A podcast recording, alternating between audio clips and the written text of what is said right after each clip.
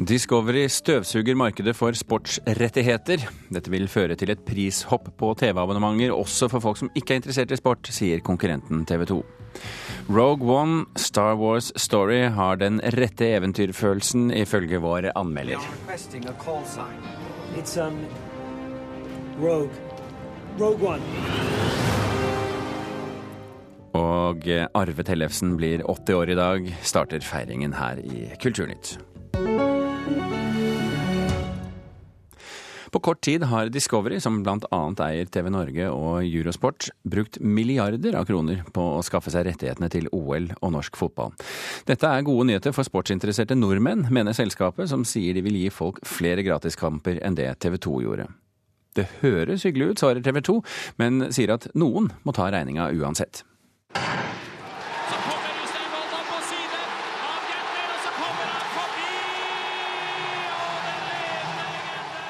Slik hørtes det ut da Usain Bolt tok nok en gullmedalje i OL i Rio i sommer.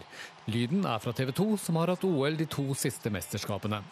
Men fra neste år er det den amerikanske mediegiganten Discovery som tar over. Sport er veldig viktig for Discovery, og man er ikke et fullverdig TV-hus før man satser skikkelig på sport. Det sier Discoverys sportssjef Jan Erik Aalbu. I fjor sommer, bare noen uker etter at Discovery hadde kjøpt rettighetene til Europaligaen, sikret de seg OL-rettighetene i 50 europeiske land fram til 2024. Prisen 11,7 milliarder. Et halvt år senere kjøpte Discovery rettighetene til å vise norsk toppfotball de neste seks årene. Pris 2,4 milliarder. Håndball har de også kjøpt, og når Champions League-rettighetene legges ut for salg igjen neste år, kan det godt tenkes at Discovery står klar med lommeboka igjen. Alle gode rettigheter følger vi med på uansett, men jeg kan aldri spekulere om vi er med eller ikke. Men hva betyr egentlig alle disse oppkjøpene for folk flest, annet enn at Anne Rimmen og Jon Almås blir å se på nye kanaler? Det var ikke meningen. Det skal ikke gjenta seg. La oss ta fotballen f.eks. Der vil Discovery legge flere kamper utenfor betalingsmurene enn det TV 2 så langt har gjort.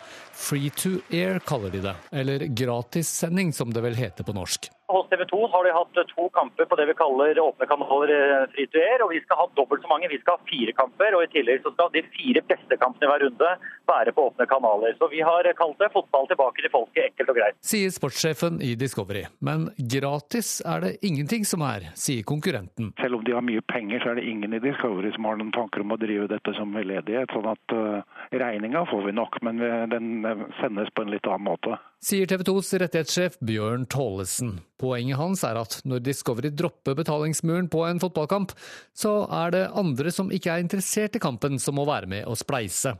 Kort sagt kan det bety at TV-regningen øker for folk flest. Prisen må tas inn et sted, og det gjør den da hos distributørene.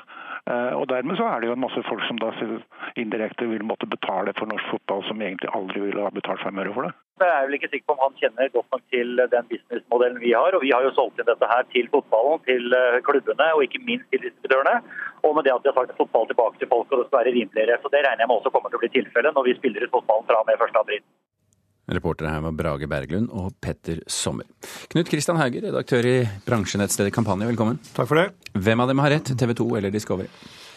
Ja, Nå kjenner vi ikke selvfølgelig til uh, modellen Discovery har uh, lagt opp til sammen med TV-distributørene. Så uh, i disse Telenor-tider så er det faktisk mulig å vite at Telenor klarer å holde tett. For vi har jobbet ganske hardt med å finne ut av hvordan dette her er skrudd sammen. Men Sannsynligvis så, så har TV 2 litt rett her. Eh, det blir billigere å se norsk fotball for de, de, som er eh, fan, og fotballfansen får et litt rimeligere tilbud. Men de som ikke liker fotball, må også være med å betale. Så dette regninga smøres ut over flere. Hvorfor er disse sportsrettighetene så viktige for Discovery? Discovery, Jeg så på Taxi nede i dag at det er fire år siden Discovery kjøpte TV Norge-kanalene i Norden. Og på de fire åra så har det vært en heftig satsing. Det er en av de råeste sportssatsingene jeg har sett noensinne i TV-markedet i de 15 åra jeg har fulgt med dette her. Eh, de ønsker å vokse, og de har en våt drøm om å lage en europeisk sportskanal etter mønster av den svært lønnsomme og den største amerikanske sportskanalen ESPN. Det er det de ønsker. Det er en sportskanal som er finansiert finansiert opp gjennom å ligge i disse kabel-TV-pakkene.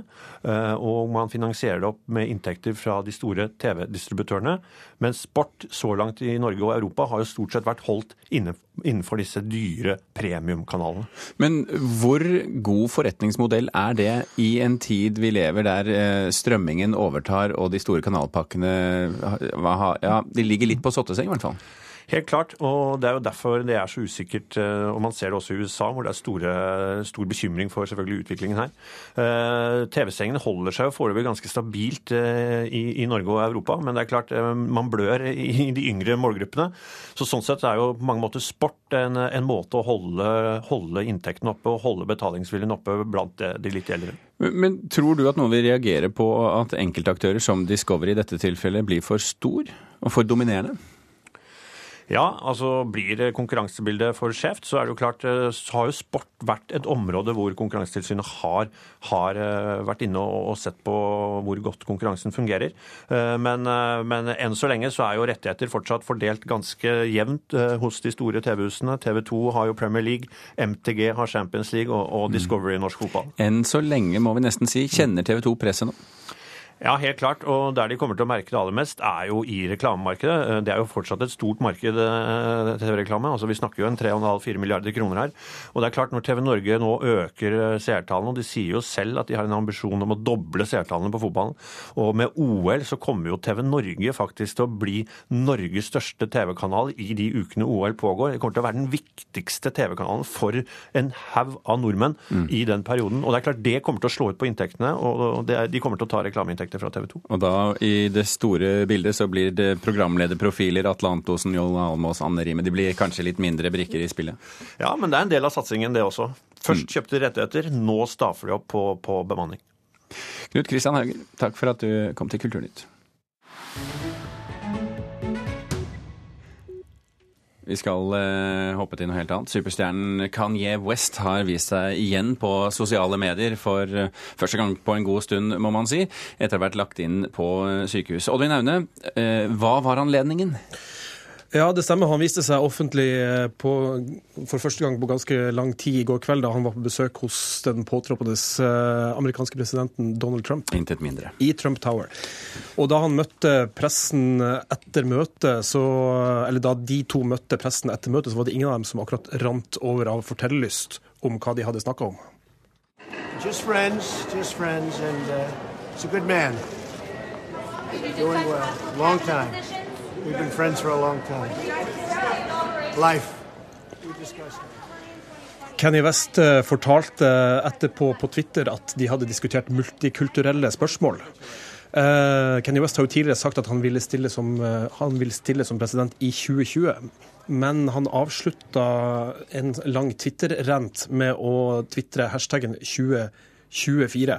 Noe som kan bety at han utsetter å stille som eh, presidentkandidat, for dermed å gi Trump sjanse til to perioder. Så det kan jo hende at de faktisk kom ganske godt ut av det. det var vennlig av ham. Ja. Men over til noe helt annet, Birger. Eh, husker du hva en CD er, og om du gjør det, har du kjøpt mange i år? Ingen. Nei. Men jeg vet hva det er. Ja, det er bra. Men uh, klarer du å gjette hva som er årets mest solgte CD-artist i USA? Det jeg ville tippe sånn Taylor Swift-aktig område? Ja, det er ikke helt rett. Det dreier seg faktisk om en komponist som har vært død i 225 år. Ah. Ja. Det er en enorm CD-boks med komplette Mozart-innspillinger, som består av hele 200 plater, som har gjort han til den musikeren som har omsatt flest fysiske CD-plater i det, 2016. Dette er litt rart. Det er litt rart.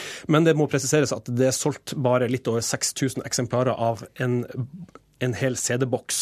Men hvis du ganger, du ganger med, hvis du ganger det med 200 plater som er i hver boks, så blir, det, så blir han til årets mest solgte CD-artist, hvis du kan kalle Mozart for en artist. Uansett, ja. det, er et, eh, det er trivia du kan bruke til neste pubquiz dersom du deltar på sånt. Jeg gleder meg allerede. Takk skal du ha, Oddvin Aune. Vi gjør et nytt hopp, denne gang ut i universet, for den siste Star Wars-filmen Rogue One, som nå rulles ut over hele verden, har kun noen få minutter med karakterer fra fansen eh, som de har sett i de foregående sju filmene. Resten av eh, karakterene er nye. Og det var riktig å skape et nytt persongalleri, sier regissøren til NRK, selv om han fra begynnelsen ønsket å ha med så mange som mulig. Det er lasere, det er opprørere, det er imperiet, ja, det er stjernekrig. Kort sagt mange av de kjente ingrediensene i Rogue One, den åttende Star Wars-filmen, som gjerne kalles episode tre og en halv, fordi handlingen ligger tett opp til filmen vi nå kjenner som episode fire, som jo var den aller første filmen som ble laget for om lag 40 år siden. Men nesten alle rollefigurene som publikum møter, er flunkende nye. Selv om vi har gjensyn med den onde Darth Vader og en liten håndfull andre kjente fjes, varer det kun noen få minutter. Resten av filmen står helt nye fjes for. Okay, I want to use all these characters from the classic movie and I want them all to be in the film and people Men regissør Gareth Edwards ville opprinnelig hatt med så mange legendariske figurer han kunne han, forteller han til NRK i sitt eneste norske intervju om filmen, før han forsto at det ville blitt helt feil.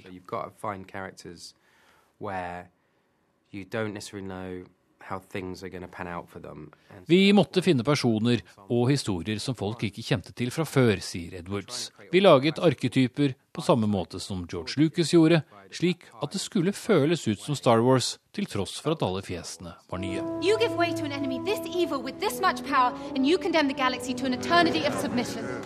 The time to fight is now. Denne gangen er det også langt flere sterke kvinneroller med i filmen, og rollefigurer som er langt mer etnisk sammensatt enn tidligere.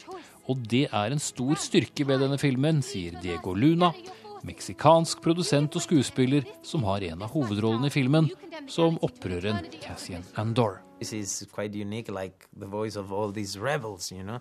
Uh, this, the diversity that the cast uh, brings into into this the, this film. Bredden av stemmer og figurer gjør filmen helt unik, sier Luna. Det er første gang du ser et så etnisk og kulturelt mangfold i Star Wars-universet. Where'd you get it? I found it. I find that answer vague and unconvincing. So, I mean, it is a Star Wars film, and, and you can't look at more than a minute without sort of seeing an enormous amount of Star Wars material. Men som Ben Mendelsen sier, mannen som spiller den onde Orson Krennic, du skal ikke se lenge på filmen før du ser at det er en vaskeekte Star Wars-film. Men om det er nok Star Wars for blodfansen, vel, akkurat det finner vel skuespillerne og regissøren ut i disse dager. Det er også mulig at vår filmkritiker Birger Vestmo har funnet ut det. Han tar oss rett inn i handlingen. If the Empire has this kind of power, what chance do we have? What chance do we have? The question is what choice? Rogue One av Star Wars Story er den første Star Wars-filmen som ikke tilhører selve sagaen, som så langt spenner fra episode 1 til 7, men den føles på all måte som ekte vare. Regissør Gareth Edwards har laga en film som kanskje minner mest om Imperiet slår tilbake fra 1980, anerkjent som seriens beste. Den har farten, flyten og eventyrfølelsen, og mangler bare den avvæpnende humoren og et rikere persongalleri som kjennetegner Star Wars på sitt aller beste. Rogue One er likevel mer enn god nok til å sette fantasien i full sving hos alle som elsker underholdende eventyr i galakser langt, langt borte.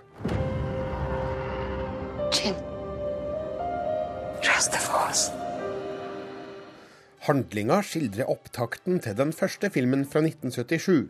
Hovedpersonen er Gin Erso, spilt av Felicity Jones. Det viser seg at hennes far, Galen Erso, spilt av Mats Mikkelsen, er konstruktøren bak den nybygde dødsstjerna. Når opprørerne vil finne ut hvordan imperiets supervåpen kan ødelegges, blir Gin et viktig redskap. Hun blir tvunget ut på et interplanetarisk tokt for å lete etter faren med en gjeng krigere fra opprørsalliansen, bl.a. Cassian Andor, spilt av Diego Luna, og roboten K2SO, spilt av Alan Tyduck. Why does she get a blaster and I don't? What? I know how to use it. That's what I'm afraid of. Give it to him. Rogue One kaster ikke bort tid og setter eventyret i gang med det samme.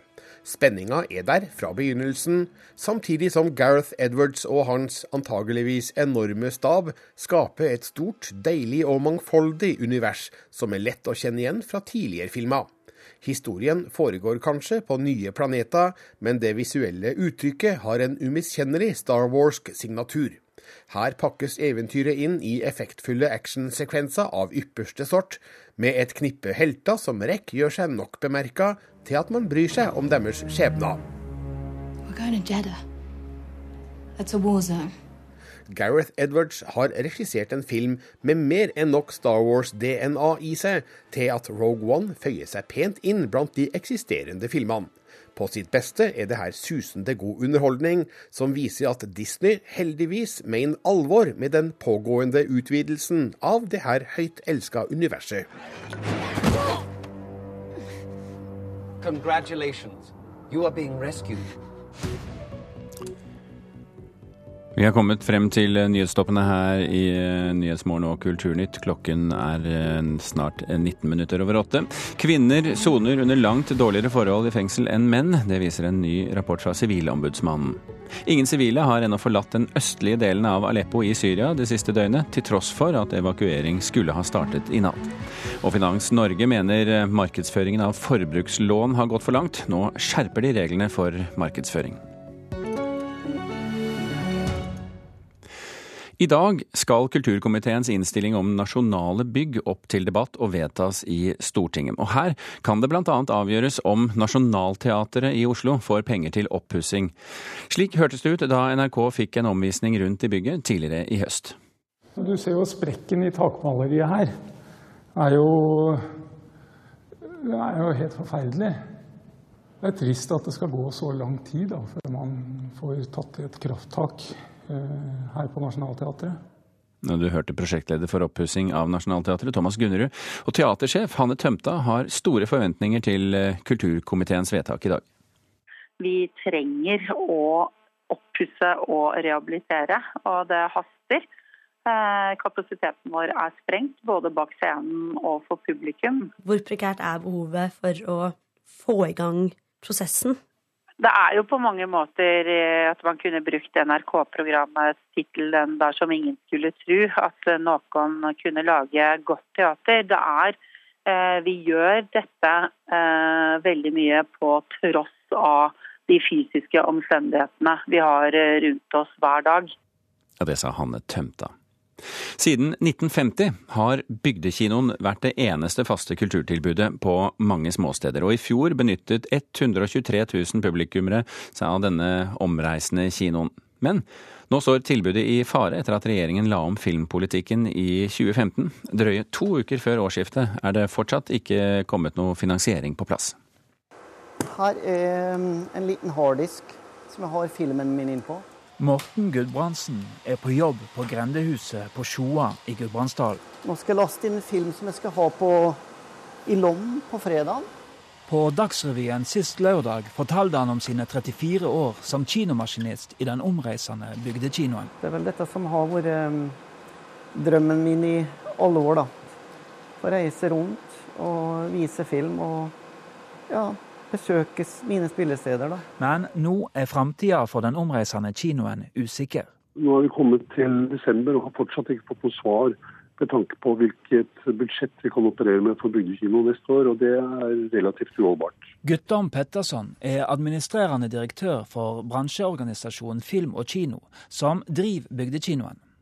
På en litt dårlig linje fra Paris forteller han om utålmodighet med Kulturdepartementet, siden finansieringa av kinodrifta for neste år ennå ikke er på plass. Det tar altfor lang tid. Bakgrunnen er at Film og Kino mista inntektene fra Norsk kino- og filmfond da regjeringa la om filmpolitikken i 2015.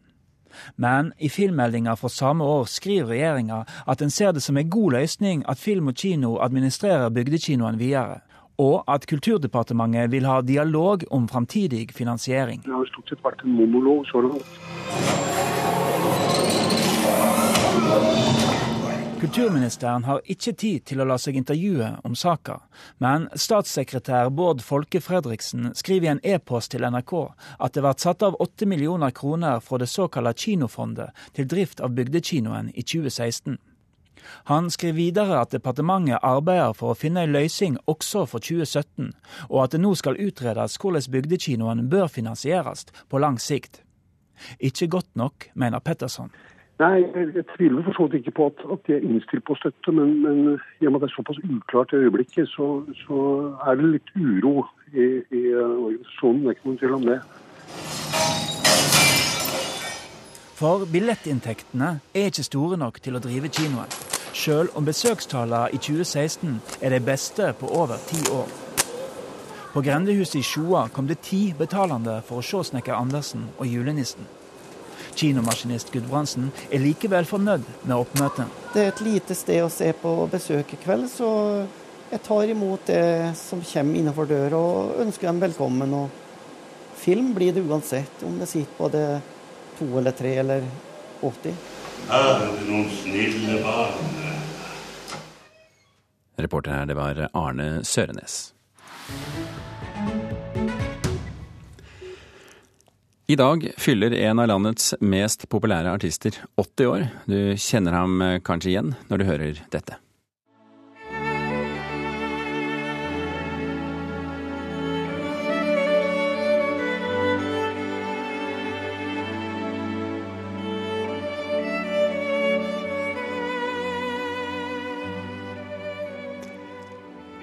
Arve Tellefsen, velkommen til Kulturnytt. Tusen takk. 80 år, hvordan er formen? ja, den er ikke så aller verst, den. Ja. Jeg var jo på langrennskurs her i helga og testa formen. og det, Tungt gikk det opp bakkene, men det, det kommer seg etter hvert? Ja, det gjør det, vet du. Skal du gå Birken i år også? Ja, jeg har Eller tenkt til neste det, år, ja. da? Ja, til neste år, ja. Ja. Jeg har tenkt det. Ja. Eh, hvordan skal du feire denne dagen? Nei, eh, det var jo stille og rolig, tenkte jeg. så, eh, Med konsert i aulaen, er det stille og rolig? Nei, jeg skal ikke ha konsert i Aurland, nei, ikke. så vidt jeg vet. Det ville vært en overraskelse. Ja, det ville vært det. Nei, jeg skal jo spille litt, øve litt, og mm, skal jeg lufte hunden, og så skal jeg treffe familien min, og så mm, er det vel en Oslo Kammermusikkfestival styre um, skal ha en mottakelse som jeg er buden på, da. Mm. Ja.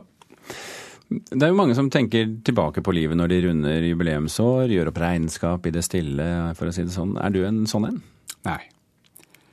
Nei, jeg har ikke tenkt så mye tilbake. Jo, jeg tenker jo, selvfølgelig tenker jeg tilbake, og jeg er jo veldig takknemlig for, um, for at jeg har fått vært med i en periode hvor norsk musikkliv har bevega seg fra ganske dårlig nivå til et veldig høyt nivå, da. Og jeg så, jeg så gjennom noen klipp fra tidligere intervjuer med deg sånn, da du var rundt eh, 30-årene, og da sa du at, eh, at Musikk-Norge var et u-land, men det kan man jo ikke si i dag. Nei, nei, nei. nei. Nei, har jeg sagt det? Jeg Ja, har sagt mye rart, da, men eh, eh, Ja, men du vet, etter krigen og sånt, så var det jo tøft, da. For um, altså, det å være musiker var jo ikke noe yrke i hele tatt. Jeg ble advart mot å bli musiker jeg, av flere um, profesjonelle, for at du kunne ikke leve av det. Du måtte ha ekstrajobb på kafé og et restaurant. og...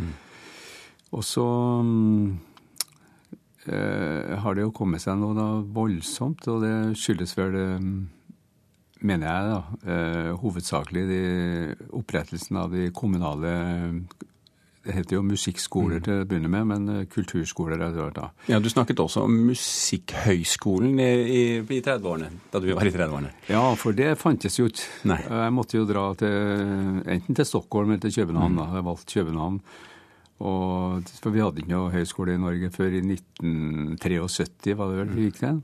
Og, men eh, da var det en flott eh, pyramide med kommunale kulturskoler i bånn og konservatorer i de største byene eh, rundt omkring, og så Musikkhøgskolen på toppen. Men Arve Tellefsen, du sa jo at du ikke så så mye tilbake på ditt liv, men vi skal nå prøve å kvantifisere dette livet ditt likevel eh, lite grann. Oi. Er du med på det? Jeg er vel nødt- har til det. Hvor mange fioliner har du hatt? Jeg har ikke hatt så veldig mange mm, Det dreier seg vel om et sted mellom 10 10-15, kanskje. Hvor mange timer har du øvd? Nei, det klarer jeg ikke. Jeg sitter og prøver å regne fort i hodet hvor mange konserter jeg har hatt, men hvor mange timer jeg har hatt Ja, vi, kan, vi, ta, vi kan ta konserter, da. Altså, du har jo eh, Ja, det, Har jeg hatt uh, i overkant av 100 per år, um, tenker jeg. Og hvis du sier 50 år, da 60? ja, nei, jeg begynte ikke å konsertere ordentlig før jeg var 23, da. Men uh, ja, ja. Uh, ja, da blir det over ja, et, mellom 5000 og 6000, da. Men det er jo ikke antallet som, som er så viktig. Hvor, hvor, mange land har du vært i? Nei, Det har jeg heller ikke regna med. Jeg husker jo nesten ikke hvor jeg har vært hen heller. Fordi at uh, det er flyplass og hotell og konsertsal og hotell og flyplass og konsertsal. Og, så jeg husker nesten ikke hvor jeg har vært hen. Men, men det er trygt å si over store deler av verden? Ja, det har jeg. Hvor mange avisartikler tror du det er skrevet om deg gjennom tidene? Nei, det har jeg peiling på. Det var et vanskelig spørsmål. Ja, ja, ja. Det kommer så tidlig om morgenen. Ja, ja. Nei, jeg antar at du ikke vet dette, men jeg vet det. Og du gjør det? Ja, Hva vil du tro? Ja, et par hundre. Godt over 10 000. Det vil si altså artikler med, med, ditt navn i, da. Det kan ja, jo være konsertannonsering osv. Oh, ja, sånn, ja. Spiller du ofte feil? Ja. Det gjør jeg hele tida. Lever du godt med det? Ja. Jeg har lært meg til det. Til å begynne med ble jeg veldig deprimert da, for hver tone jeg spilte feil. Og det var jo Det skjer jo Altså, fiolinister spiller jo litt falskt hele tida. Mm. Um, Men det er greit? ja, etter hvert har jeg lært meg at jeg må være litt fornøyd med meg sjøl, ellers så blir det uutholdelig livet. Så det er greit å bli eldre på hvert fall, ja, på mange plan, egentlig? Også det? Ja, jeg vil ikke si det å bli eldre noe så veldig å hige etter. okay. Men hvor, hvorom nå en gang allting er eh, Arve Tellefsen, du har nå blitt 80, og det var veldig hyggelig at du kom til Kulturnytt for å starte 80-årsdagen din. Takk så mye for det. Kulturnytt er slutt. Vi runder av her.